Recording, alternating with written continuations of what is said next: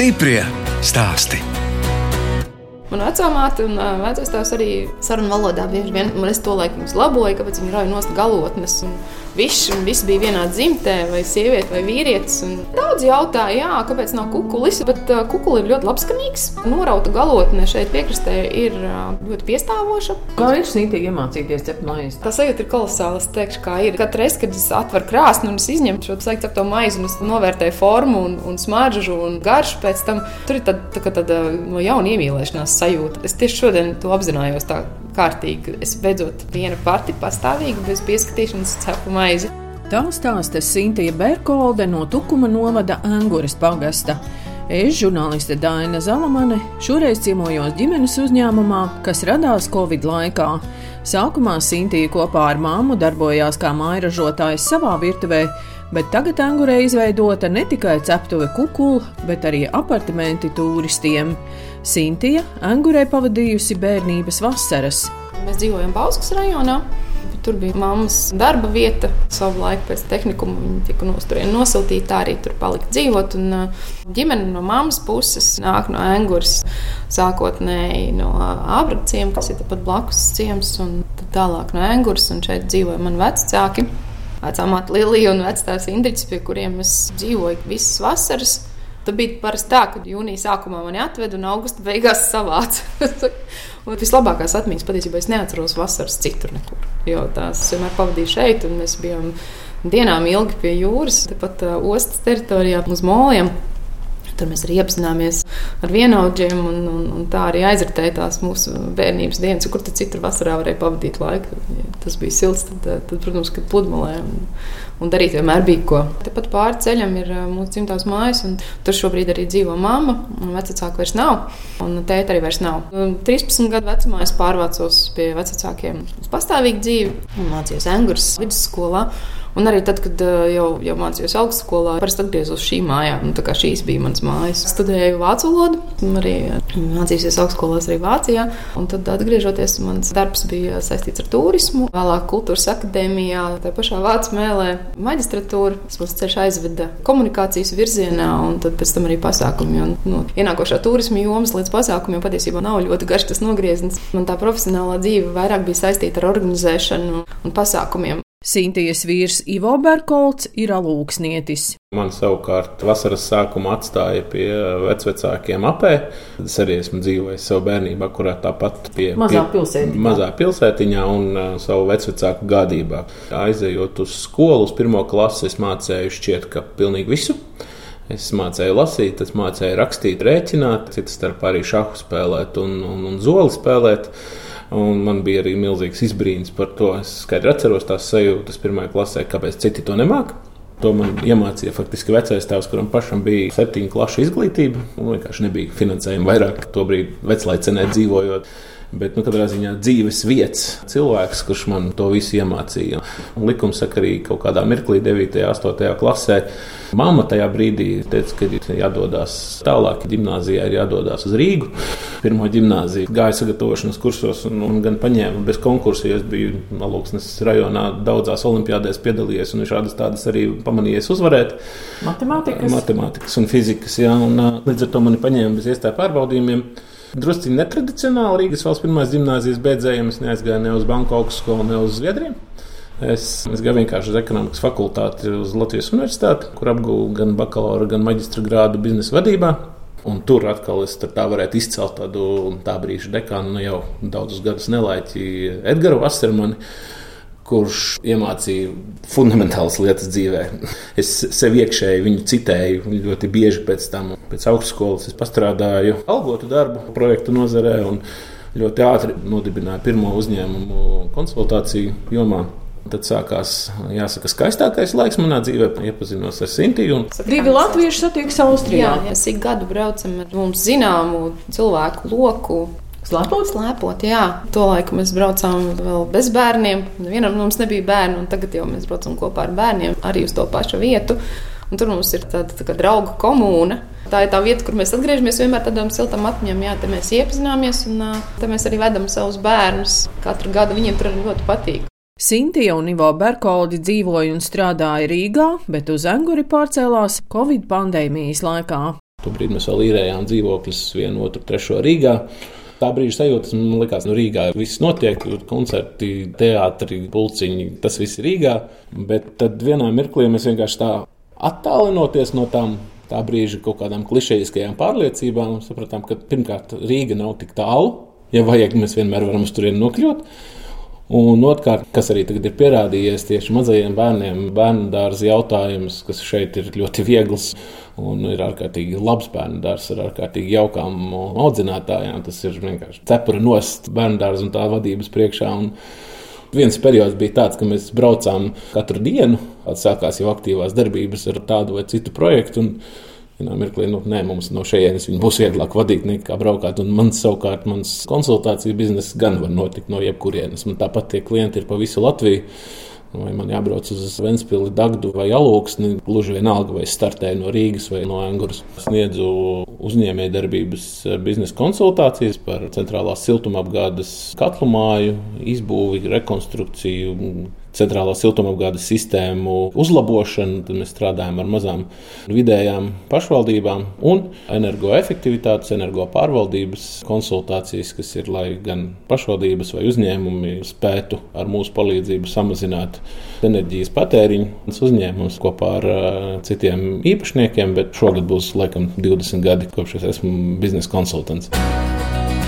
Stiprie stāstī!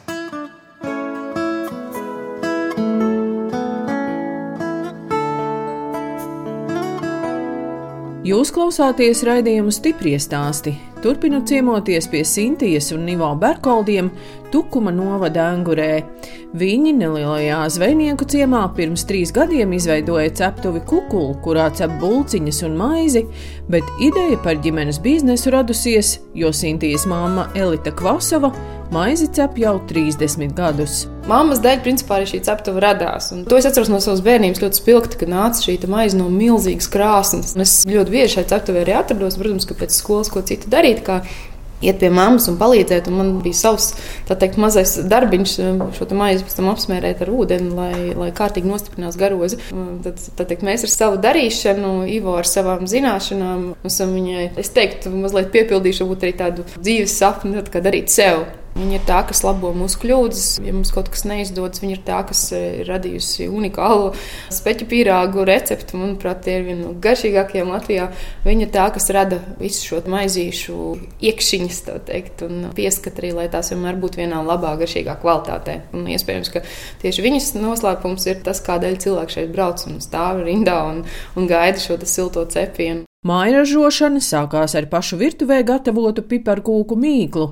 Tagad sezonā saražo divas tonnas piparkūku mīklas, bet sāka ar 200 kg, un mīcīšanas procesā piedalījās arī Ivo.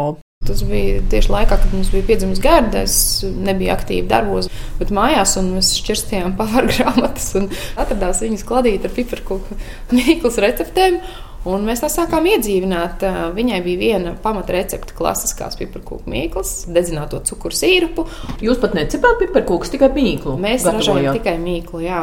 Un piparkūku mīklu no vienas klasiskās mums izauga līdz astoņiem veidiem kopā. Klasiskās rudzu, pilngraudu kviešu, medus, arī bezmiltu vegāniskās, medus riekstu, un tad bija tāda pavisam traka, kur nebija ne miltu, ne piena produktu. Mēs pirmajos gados ar elitu diezgan daudzus kilogramus taisījām faktiski divatā. Rekords dienā ir 170 kg. Pati mītīšana, protams, tas ir mehanizēta, pats mītīšanas process. Pirmajos gados, starp citu, nebija. Pirmajos gados mēs tiešām mītījām arī ar rokām. Bet ir vēl viens ļoti būtisks piparkūku mīklais sastāvdaļa, proti, cukura sīrups cukura kausēšanu uz lēnas uguns, lai to nesadedzinātu, bet dabūtu brūnu, kas notiek aptuveni visu novembri un pusdecembri. Tā sīrupu vārīšana notiek paralēli citu darbu darīšanai. Attālinātā darba laikā ļoti bieži bija šīs attālinātās sapulces kādā no platformām, tad es ik pa brīdim uzrāvos no krēsla un aizgāju apmaisīt sīrupu. Tad jau kolēģi citos manos darbos jau zināja, ka šajā laikā es ik pa brīdim pazudīšu no ekrāna. Jau šogad jau saka, nu, tev nav gadījumā sācies laiks atkal vāru. Kur jūs tirgojāt to mīklu? Sākām mēs pirms nu, jau jāsaka, pieciem gadiem Kuldīgā. Sākāt ar piparkūku mīklu un kā tad nonācāt pie šīs ēkas un aptuves? Sākām celt māju pāri ielai diagonāli, kur būtu neliela 17 kvadrātmetru telpa mammai, kur viņa varētu kopā nezinu, ar mani vai ar vēl kādu turpināt šo māju ražošanu kā tas notiek ar būvniecības darbiem, tad nu, mēs sapratām, ka gadā, kad mēs gribam uzsākt nopietnāku, lielāku piparkūku mīklas ražošanas apjomu, mēs to nevaram realizēt, jo telpa nav pabeigta. Mēs pāris dienās pieņēmām lēmumu īrēt šīs telpas. Ir līgums ar īpašnieku uz desmit gadiem. Šī ārsta stāvēja tukša. Jā. Šīs telpas bija pamestas vairākus gadus, es teiktu, gan iz desmit. Pēdējais bija būvmateriāla veikals, kas tā arī bija pamests ar visiem grāmatvedības žurnāliem, un līzēm un piekramiem griestiem. Mēs visu šeit mēzām ārā un remontējām. Iepērkoties ceptuvē kukulu, pircēji redz arī pašu cepšanas procesu. Klienti, kas pie mums brauc gandrīz katru nedēļu, skatās, kas ir krāsnī, un viņi jau zina, ka jāskatās arī raudzētavā. Viņi parasti jautā meitenēm, kas jums tur tagad trūkst un, un kas nāks ārā pēc tam, pēc tam aptuveni 15, 20 minūtēm. Un, un tie ir tādi zinātāji. Pat nestoties, ka ir kā nesezonas laiks, jā, jā. meklētāji plūsma visu laiku ir apļāpā ar pārdevēju. Jā, jā, jā. Es saucu darba dienas par savējo dienām, jo tad mums tiešām lielākoties tie ir vietējie cilvēki, kurus mēs, protams, visus pazīstam. Mums ir ienākusi kultūras nama vadītāji. Nu, protams, ka viņai arī ir interese par pasūtījumiem. Bet jā, paldies! Jūs esat kā reizes pusdienas laikā, tad parasti 12 līdz 2. Nesezonā mums kafejnīcas liela daļa ir cieta un varas vaļā tikai piekdienas, sestdienas, svētdienas. Tāpēc mēs eh, saglabājam savu darbu laiku un strādājam un ražojam ikdienā. Un tad, protams, ka daudziem pusdienas laikā mēs esam arī tāds kā pusdienu galamērķis, lai gan mums šeit nav no, tāds klasiskais pusdienu komplekts vai kaut kas, ko cilvēks arī nu, ieradis. Tomēr kafija arī. Ir karstie dzērieni, ir maizītes un, un ikdienā arī brauc šeit pat vietējie strādnieki, brigādes arī, kas brauc pēc savas iemīļotās maizītes. Mēs jau zinām, ko kurš katrs ņems. Krāsnis no tās ir profesionālas. Jā, jā, jā, jā protams. Mairažošanas iekārtas te vairs nav, vai ne? Jā, jā. Ja mājās mēs sākām ar, ar klasisko cepšu krāsni, tad šīs ir profesionālās krāsnes, ko mēs apzināti meklējām. Mums ir vēl mazā ceptuvīte, kur meitenes cep kūkas. Un tur ir vēl viena krāsa. Vasarā domājam, ka mums būs jāpaplašina vēl vairāk šīs iekārtas. Jo šeit jau ir pa maz vietas, lai varētu saražot šos apjomus, kas mums ir nepieciešami vasarā. Kā jūs izdomājat, kādas būciņas jūs piedāvājat, vai klienti paši mm. izdomā? ir jābūt sāļai maizītei un jābūt saldai maizītei. Un klienti bieži vien nāk un prasa, vai jums nebūs kādreiz tas. Nu, rezultātā mēs šonadēļ esam ieviesuši klasisko buļbuļsāļu pierādziņu, lai kā mēs sākumā pretojāmies, tad tas mums arī tagad būs. Maize, maizītes, cepumi, un tad ir svētku kūks. Kādu maizi jūs cepat? Ah, šodien es esmu izcepusi sēklu bagetītes, fokačus, tā ir itāļu plakana maize. Bet jūs pati arī vienmēr piedalāties šajā cepšanas procesā? Tagad es varu, varu likt roku uz sirds un teikt, ka es visu protu, jo vēl pirms mēneša es teicu, ka ir lietas, ko es neprotu. Pēdējā mēneša laikā esmu divreiz nedēļā naktīs mācījusies kopā ar māmu cept maizi, to es arī esmu iemācījusies. Ivo ikdienā strādā konsultāciju uzņēmumā, bet iesaistās arī ģimenes uzņēmuma darbā. Braucu gan pēc izēvielām, vedu gatavo produkciju, nesu tādus maisus vai šādus maisus. Nepieciešams arī eju pārdošanā un runājos ar klientiem, kas man citas starpā ārkārtīgi patīk.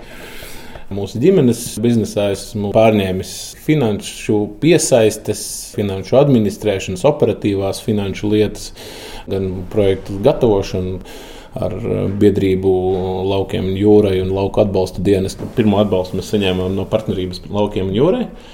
Tas ir vietējās iniciatīvas grupa. Tālāk nonāk pie lauka atbalsta dienas, no kura reāli mēs šo Eiropas fondu līdzfinansējumu saņēmām. Projekts bija par viesu izmitināšanas mītnes izveidi un nelielā ceptuve. Tur bija arī šis aprīkojums priekš konditorijas ražošanas. Tad sākotnējā doma bija, ka cilvēki piestāt pa ceļam braucot un no Engures ceļa maizi paņemt līdzīgi kā kādā degvielas uzpildes stacijā. Nu, tā ideja pārauga par daudz lielāku vietu. Mēs esam uzbūvējuši viesumāju.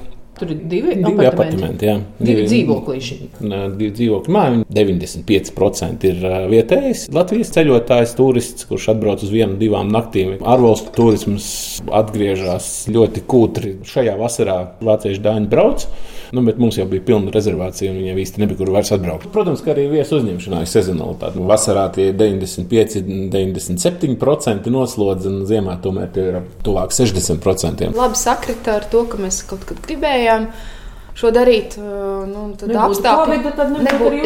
Ļoti iespējams, tas būtu citādākā izpildījumā. Taps vēl alus darītājs. Jā, cenšamies būvēt saka, to sīpolu kārtai pa slānim un pa slānim. Pamats šobrīd ir šī viesmāja, ceptuve. Man radās vienkārši tāda garām skrienoša doma, es tur varētu gribēt vienkārši lietu alu, to, kas man pašam garšo, un piedāvāt garām rocošiem ļaudīm vai vienkārši piestāt un nobaudīt alu.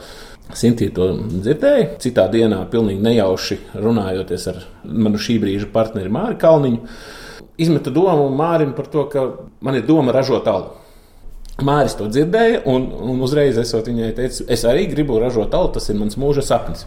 Tās pašas dienas vakarā viņš man piezvanīja, ka Vai tu gribi ražot alu? Tādā ražošanas procesa izpratnē viņš to darīs. Jā. Tās ir viņa lietas, tās ir viņa receptes. Viņš jau pusotru gadu strādā ar izmēģinājumu darījumiem. Pirmā recepte mums pilnīgi noteikti ir gatava, un tik līdz iekārtas būs samantētas, tā tiks arī nu, pielietota. Tas būs lāgera tipa alus, nu, gaišais, viegls, viegls, gaišais vasaras alus. Jā. Iekārtas jau ir. Vēl nav sāktas darbināt, vēl notiek iekārtu saslēgšana, elektrības pieslēgums, un, un tad jau principā kādu mēnešu ietvaros jau varēs darbināt. Apartamenti, viesu māja, vēl tagad tālus darītava, nu tas tomēr tās finanses, nu droši vien nivā, jā, rēķina tās finanses, tur viss ir tā izrēķināts kārtīgi. Izrēķināts ir, notiek visu laiku neparedzēti notikumi. Nu, tieši par to es gribēju teikt, nu, visas jā. enerģijas cenas. Es nezinu, kurš to ir savulaik teicis. Plānošana ir process, plāns ir nāve. Respektīvi, plāns, tāds, kurš nekad nemainīsies, neeksistē. Tas, ar ko tu ikdienā dzīvo, un kas tev virza uz priekšu, ka tu to plānu visu laiku pārveido. Ir tik daudz ārēju apstākļu, kuri var mainīties un notikt, ka tos visus tu gribēdams nevari paredzēt. Līdz ar to tu vienkārši ej pa vienu lielu galveno vektoru un nodrošinies, ka tev tas pamatu, pamats nesabrūk. Kādreiz baidījos uh, riskēt. Nivo ir tas, kurš man ir uh, grūdis un ļāvis lekt. Bet tas, ka mēs ejam uz dažādos virzienos, tas ir ļoti labi, jo, jo katrs tas virziens atbalstīs kaut kādā laika posmā to citu virzienu. Un, un, un tas, manuprāt, ir pareizi. Mums ir, nezinu, ceptuvē mazliet klusāk, tad apartamentos, piemēram, ir dzīve un ir kaut kāda tomēr aktīvāka plūsma, tas ir svarīgi, ka mēs ar abām vietām kaut kādā veidā varam uh, operēt. Stiprie stāsti.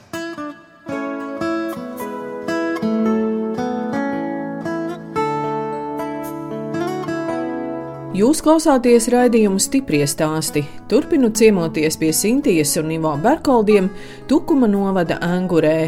Viņi pirms trīs gadiem Angurē izveidoja ceptuvi kukulu un divus apartamentus viesiem. Blakus ceptuvei izveidots arī amatnieku veikaliņš, kam dots nosaukums Maize un māksla. Šī ēka patiesībā ir sabiedriska ēka no tās dzimšanas brīža.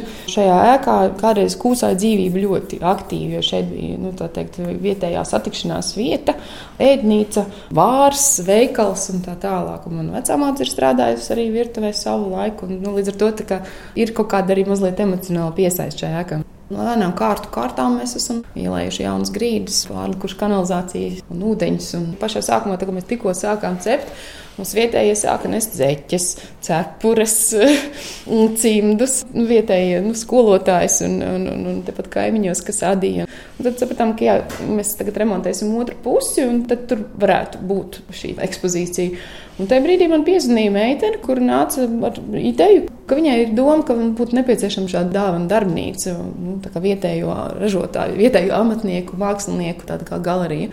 Zvaigznes salikās tā, ka mēs atvēlējām šo vienu telpas daļu. Te ir uh, medus, mūsu medus piegādātais vecs, te ir mūsu draugu, kuri arī šeit angurē ir atjaunojuši mācītāju mūžu adītās cepures. Šeit ir uh, šālas arī meiteni no Angūras valdus. Mūsu maizes cepējas Jolantas gleznas, vietējo fotografu kanvas, kā mūsu pašu skolas biedru koka izstrādājumi, meitenes, kas strādā ar mūsu sociāliem tīkliem, auska jādas. Angurnieces veidot šie palikņi, kas ir arī roku darbs. Žutas izstrādājumi, tie ir dažādi palikņi. Tas arī ir tāds Covid laika projekts patiesībā, kas šobrīd ir diezgan veiksmīgi aizgājis tautās. Te ir angurnieces dzējas grāmata. Un arī mauči tur ar tādām skaistām pērlītēm izšūti. Jā, arī angurnieces ļoti smalks darbs. Jā. Ligitas veidots un, un cimdi. Ja nemaldos, arī ir viņai tā kā šeit ir otrreizējās pārstrādes papīra kārtītes, tās pašas arī lampas, ja ražotas no papīra. Telpā maize un māksla, un vasarā ēkas pagalmā notiek arī dažādi pasākumi. Mums vasaras siltajos mēnešos šeit ir. Jūs varat iznest ārā galdiņus. Jābūt apdzīvotai vietai. Mums pagājušajā gadā jau bija izdevies mazliet ieviest mazi pasākumi, te jau ir notikuši. Šeit ir vēl kārtīgi tādi labiekārtošanas darbi priekšā. Līdz izpildījumam ir jātiek, un tas visticamākais būs līdz pat maijam, jūnijam izdarāms. Mums ir doma apvienot šeit eh, terasi ar tālāk esošo iestādi un, un, šeit arī pasniegt rokastus. Šī arī varēs pasēdēt šeit pat uz vietas un baudīt ne tikai miltu izstrādājumus, bet ieviest arī kaut ko mazliet veselīgāku vai klasiskāku, es teiktu. Brokastu, brokastu izpratnē, jā, tā, tā, tās ir pankūks, vai tā ir omlete, vai nu, kas, kas nu katram brokastīs patīk. Bet, protams, ka viss pamatā ir maize. Ir maize, maizītes, tas, tas, ko mēs ražojam, mūsu doma ir, ir papildināt to ar tādām nu, tiksim, ierastākām piedevām. Ir saulrieta puse, kas nozīmē, ka vakarā šeit ir skaista saule līdz pat pēdējiem brīdim. Un šī sēta visticamāk tiks iedzīvināta tādā pie jūras vasaras pēcpusdienas vietā, kur būt. Jo terases krēsla mums jau ir. Šeit ir eh, bijušas meistarklases, ko ir organizējis tāpat Ilza ar, ar, ar māksliniekiem, tiem pašiem, kas šeit arī tirgo savus ražojumus. Eh, mākslas vakar arī mums šeit ir bijuši attiecīgi ar dzēju un mūziku un, un, un pilnīgi citu kopā būšanu. Tad mēs iznesam ārā galdiņu, saliekam šeit krēslas, ko mums vēlīgi iedod kultūras nams, un eh, te ir pavisam cita dzīvība tad vakarā. Sintijai un Ivo ir četri bērni - dēli Gvido un Valfrīds, meitas Gerda un Leonārda. Zēni ļoti iesaistās arī un palīdz mums gan uh, meiteņu audzināšanā, tad, kad mēs esam ceptuvē, gan arī piedalās šeit, tad, kad ir pasākumi kaut kādi un, un palīdz gan locīt kastītes un pakot arī mums produktus, kad nepieciešams. Mums nav viņus jāpierunā vai kaut kādā veidā ar viņiem jādiskutē par to, ka šī ir mūsu darbība, un to mēs darām, un, un jūs neesat nodalīti no tā. Viņi to dara ļoti labprāt un uh, piedalās. Un arī tad, kad mēs runājam par to, ka mēs gribēsim kaut kur kopā ceļojumā, tad viņi arī labprāt nāk un strādā un saka, nu, ka viņi grib piedalīties un kopīgi ar mums uh, nopelnīt. Zēniem ir zēna intereses. Viņus tāpat kā visus citus jauniešus interesē gan tas, kas telefonā, gan citās ierīcēs. Viņus interesē arī sportisks izklaides, vai tas ir futbols vai kāds cits sporta veids. Viņi ļoti labprāt slēpo. Tāpēc mēs arī reizi gadā cenšamies norganizēt slēpošanu Un arī meitenes aktīvi tagad liekam uz slēpēm, lai viņas tiek līdzi viņiem. Un, Nu, mums, mums patīk darīt dažādas lietas. Tur riņķi apkārt ir dažādas arī aktivitātes. Ir baseins, šeit uz kino aizbraucam. Un, jebkas, ko mēs piedāvājam zēniem un arī meitenēm, viņiem ļoti patīk pavadīt laiku mums kopā. Ivo, kā ir meitiņas audzināt? Šeit ir krietni savādāk nekā puikas puikas eh, ir saka, jāizglīto, tie vairs nav jāaudzina, bet nu, meitenes vēl ir gan jāizglīto, gan jāaudzina. Nu, Tas ir krietni sarežģītāk, jo bez vēl tā, ka tās ir meitenes, viņas ir mums gadījušās tādas ārkārtīgi aktīvas meitenes. Un šī viņa aktivitāte ir ļoti dominējoša, bet no otras puses tā ir atkal ir ārkārtīgi iedvesmojoša. Un viņas dzied ļoti labprāt, un vecākā meita jau šobrīd arī ir Angūras mazo bērnu ansamblītī. Un, Tiklīdz būs iespēja, viņa nokļūs arī muzikas skolā. Par to nav vispār nekādu šaubu. Šeit ir muzikas un mākslas skola, un turklāt ļoti laba. Uzņēmēji bieži vien to biznesu arī sauc par vēl vienu bērnu. Jā, tā tas pilnīgi noteikti ir. Un te gan ir jautājums, kas kuram traucē vai kas kuru attīst. Mēs nevaram nekā atbildēt uz jautājumu, kā būtu, ja, ja to bērnu nebūtu, bet man šķiet, ka tā aktivitāte uzņēmējdarbībā varētu arī nebūt tik liela, ja to bērnu nebūtu. Jo tas ir apzināts vai neapzināts motivējošs faktors, kāpēc kaut ko vispār darīt. Vismaz vienreiz gadā uz kalniem aizbraucat, kādi vēl jums vaļas prieki Pēdējos gados mēs esam principā, visu savu laiku veltījuši tikai darbam. Tiešām mēs ļoti daudz esam strādājuši. Man liekas, ka šis varētu būt pirmais gads, kad mēs mazliet apstājamies un Tā ļauj mums ievilkt telpu. Mums patīk nu, daudz ko darīt. Mums patīk, jā, jā, tas arī projekts. Jā, gan, bet es laikam esmu tā, kas sāk pamazām mazliet nu, bremzēt, jo spēki ir tik, cik ir, un ja gribas tomēr izlasīt kādu grāmatu. Tiešām patīk lasīt grāmatas. Nu, mums patīk apmeklēt kultūras pasākumus, kā reiz, reiz divās nedēļās mums gājām uz teātri, uz kādu koncertu. Daudz kur, protams, ka tie divi gadi, kad bija bieži vien šī maisēde un daudz kultūras pasākumu tika atcelti, mūs mazliet atradināja no tā. Bija grūti tagad ieiet jaunā ritmā, bet mēs gribētu atjaunot arī to nu, kaut kādu sabiedrisku pasākumu apmeklēšanu aktīvāku un patīk arī kaut kur aizbraukt. Uz citām pilsētām paskatīties, kā citi strādā. Braucām reizes gadā uz Berlīnu. Tas tāds mūsu tradīcija. Man ļoti patīk arī telpu dizaina veidošana, kas arī bija viens no sapņiem, kaut kad to atgūt mazliet aktīvāk. Un, un, un mūsu projekts ar viesmāju tas bija tāds pirmais, man teikt, tā, mans tāds, nu, tāds neoficiālais diploma darbs. Šobrīd arī domājam par to, ka vajadzētu arī mums kaut kādu kopīgu hobiju. Ja mums kādreiz patīk iet pārgājienos un kaut kur pavadīt laiku pie dabas, tad tagad mēs to darām nezinu, reizes, divas gadā varbūt. Nu, jau drusciņā jāpagaida, kamēr jā. meitiņas paaugsies. Nu, tas gan, tas gan, jā. Lai gan tad, kad mums piedzima jaunākā meita, viņai bija nedēļa vai divas, kad mēs jau gājām pārgājienā pirmajā. Tas, tas nebūtu nav traucēklis, lai, lai cik maz bērnu būtu. Mēs nevaram visi tagad ar riteņiem braukt, jo kāds varbūt paliek nopakaļ. Bet visur apvienot vienalga, cik ir bērni. Lielākie jau palīdz, un mazākie velks līdzi kaut kā. Tā. Tās tādas nu, mazas ikdienas lietiņas, un tad maza ikdienas prieciņa, kas mums arī patīk. Ja jūs nevarat uz teātrī aizbraukt, tad jūs uzaicināt pie sevis, ja? Mārtiņu Vilsonu parādīt kādu savu izrādi. Jā, patiesībā interesanti. Viņi brauc no upes grīvas, kas nav tālu. Viņi brauc garām, viņi brauc ceptuvē, aprunājās ar mums. Sākās visu to, ka mēs pielikām pie sienas plakātiņu, kur ir eh, viņa izrādes, un aicinājām arī caur saviem sociāliem tīkliem apmeklēt izrādes upes grīvā. Tad eh, radās doma, kāpēc gan mēs nevarētu uztaisīt vienu izrādi pie jums. Nu, protams, ka varam, kāpēc gan nebūtu mūsu ciemi iedzīvotāji pelnījuši. Jā, jā, jā, jā, un tieši šī mazā intīmā atmosfēra ir tas, kas mazā formāta izrādēm arī ļoti piestāv. Ir šī vide un iespēja ir unikāla ienākt ceptuvē tālāk un novilkt mēteli un, un sajust to vakaru, tādu atmosfēru, kā tas ir, kad ir izslēgtas krāsnes un uh, maizes cepēji norāda, kur nolikt mēteli un, un ierāda vietas uh, šeit uh, maizes mākslas telpā. Un ir pazuduši galdi, un ir izlikta krēsla auditorijā, un ir tāda nosacīta, izveidota skatuves vieta, un, un atkal pilnīgi kaut kas cits. Un arī tad, kad būs saules darīta, un būs durvis uz to, un te jau būs pavisam plašs telpas, un būs vasaras terase mums. Tā teikt, notiek iesildīšanās tādiem nelieliem kultūras pasākumiem, kas ir um, super iespējami šeit. Un šeit ir tā vajadzīgā atmosfēra, realizēt mazus pasākumus, kas ir arī mans joprojām tāds sirds projekts, šī pasākuma organizēšana.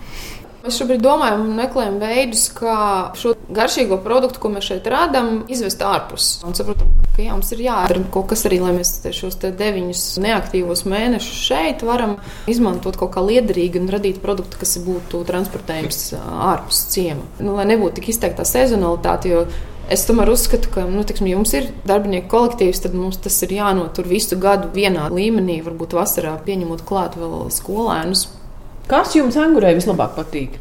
Tādas detaļas, manas tādas atmiņas kaut kādas. Man ir kanēļas maža, kas bija katru sestdienu vecās mātes virtuvē, jo viņa cepa malkas krāsnī plātsmaizi. Man ir lielais akmens, ko es saucu par vectēva akmeni, citi to sauc par vēlnakmeni, kas ir tieši pretī mūsu mājai, izskalots jūrā.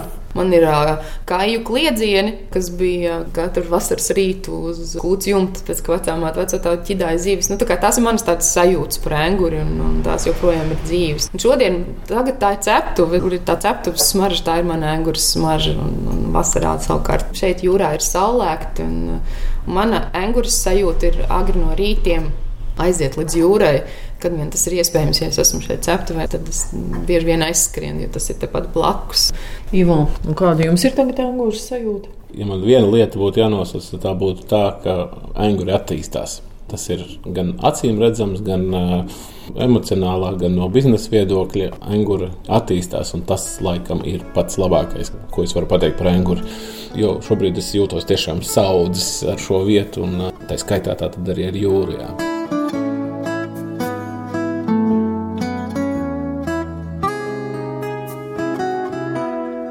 Redījums stipri stāst izskan, un mēs atvadāmies no Sintijas un Ivo Berkoldiem, kas Tukuma novada Angurē tieši Covid laikā izveidoja ceptuvi un apartamentu skukulu. Blakus ceptuvei izveidota kultūra vieta Maize un Māksla, kur notiek dažādi pasākumi, un šogad darbu Angurē uzsāks arī mazā alus darītava. No jums atvedās žurnāliste Dāna Zalmane un operātore Inga Bēdelē lai tiktos atkal tieši pēc nedēļas.